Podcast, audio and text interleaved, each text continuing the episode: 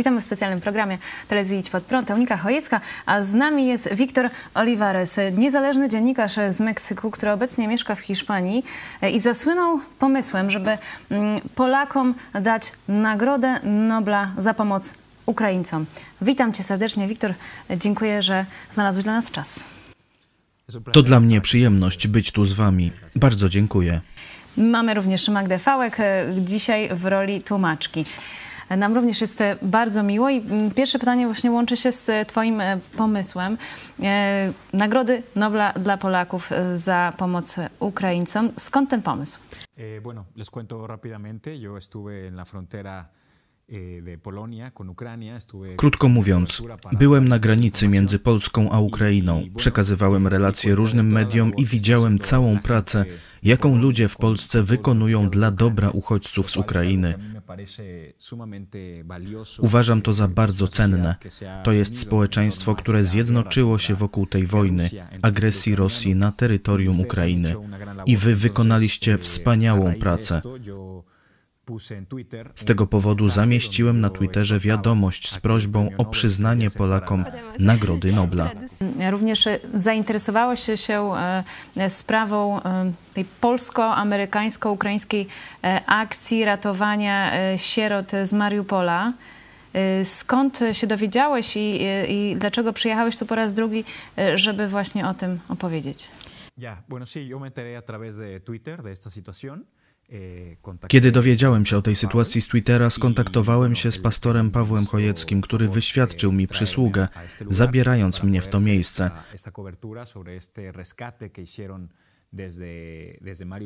Abym mógł zająć się relacjonowaniem akcji ratunkowej dokonanej przez różne organizacje religijne z Ukrainy, Polski i USA, które przewiozły 62 sieroty z Mariupola, miasta, które jest mocno atakowane przez Rosjan.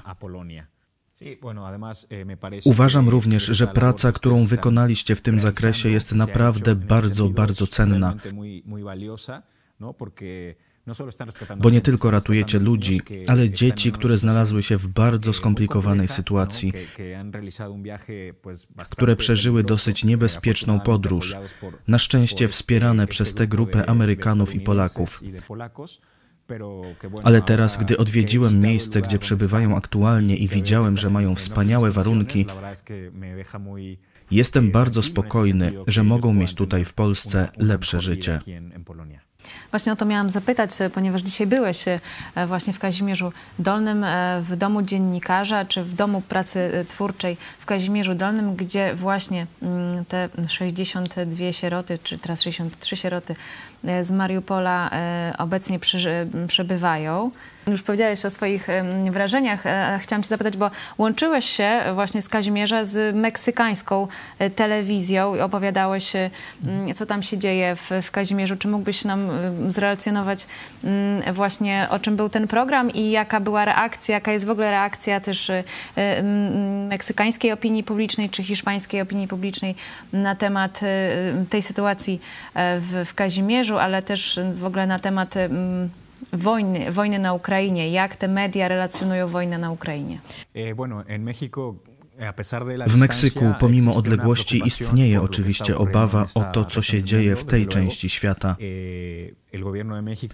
Rząd meksykański również zajął stanowisko w tej sprawie, potępiając ataki na Ukrainę.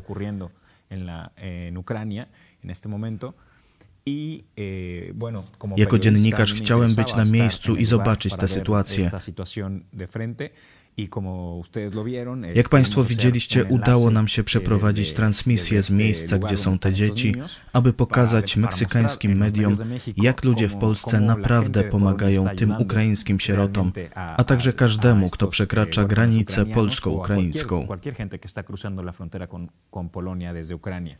A jeszcze cię e, dopytam właśnie, e, no jak wygląda w Hiszpanii, w Meksyku relacjonowanie tego, co się dzieje na Ukrainie.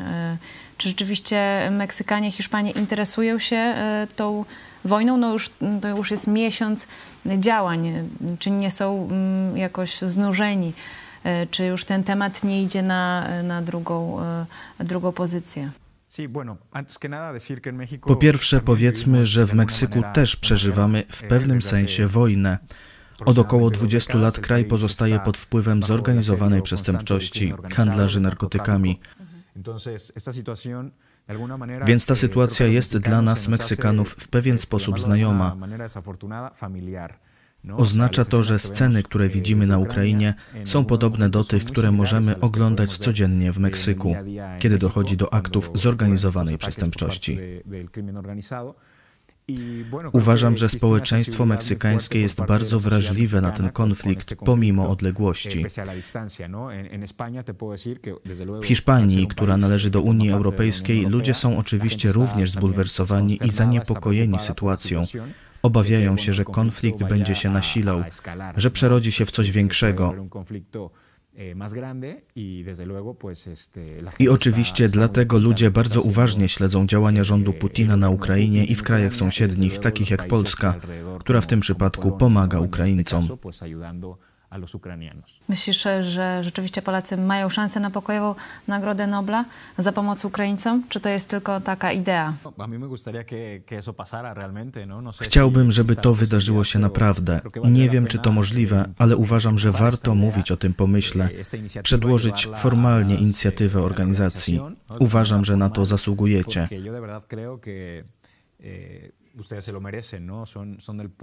Jesteście narodem, który najbardziej pomógł Ukrainie, oczywiście przed wszystkimi innymi. I to jest konflikt, który obecnie absorbuje świat. Dlatego uważam, że Polska powinna otrzymać tę nagrodę. Dziękujemy w ogóle za ten pomysł i e, mamy nadzieję, że tak rzeczywiście się stanie, bo e, no, tysiące czy setki tysięcy Polaków rzeczywiście pomaga dzień i noc e, Ukraińcom e, na granicy, ale nie tylko. Tak jak mówiliśmy, już kilka milionów uchodźców ukraińskich jest w polskich domach, a także w hotelach czy mieszkaniach. Tak, dziękuję za zaproszenie mnie tutaj, do Lublina. To piękne miasto, ludzie są bardzo serdeczni. Miałem bardzo przyjemny pobyt i nie mogę się doczekać, aby opowiedzieć całemu światu o tym, co się tutaj dzieje. To jeszcze Cię zapytam na koniec takie bardziej osobiste pytanie. Dlaczego zostałeś reporterem? Dlaczego zostałeś dziennikarzem w ogóle?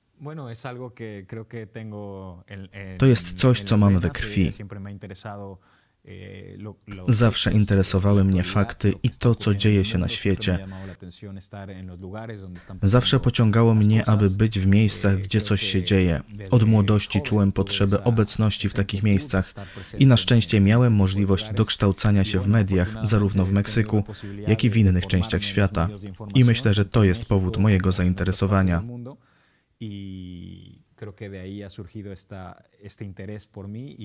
Teraz, kiedy mam okazję opowiedzieć o tak ważnym konflikcie jak ten, przez który przechodzimy, czuję się zaszczycony, mogąc tu być.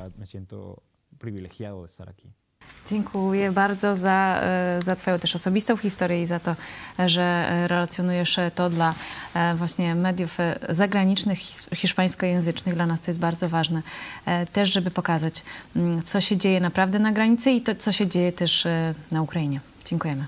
To dla mnie przyjemność. Dziękuję Wam. Dziękujemy dla nas również. Był z nami Wiktor Olivares, niezależny dziennikarz z Meksyku, a to była telewizja Idź Pod Prąd.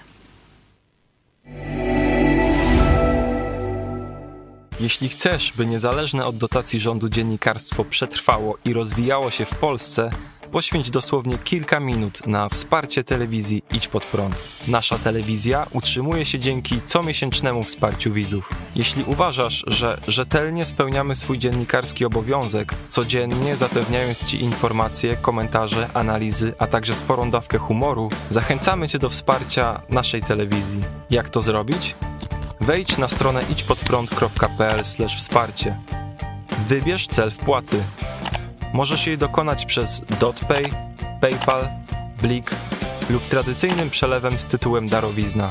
Gramy i gnamy dalej.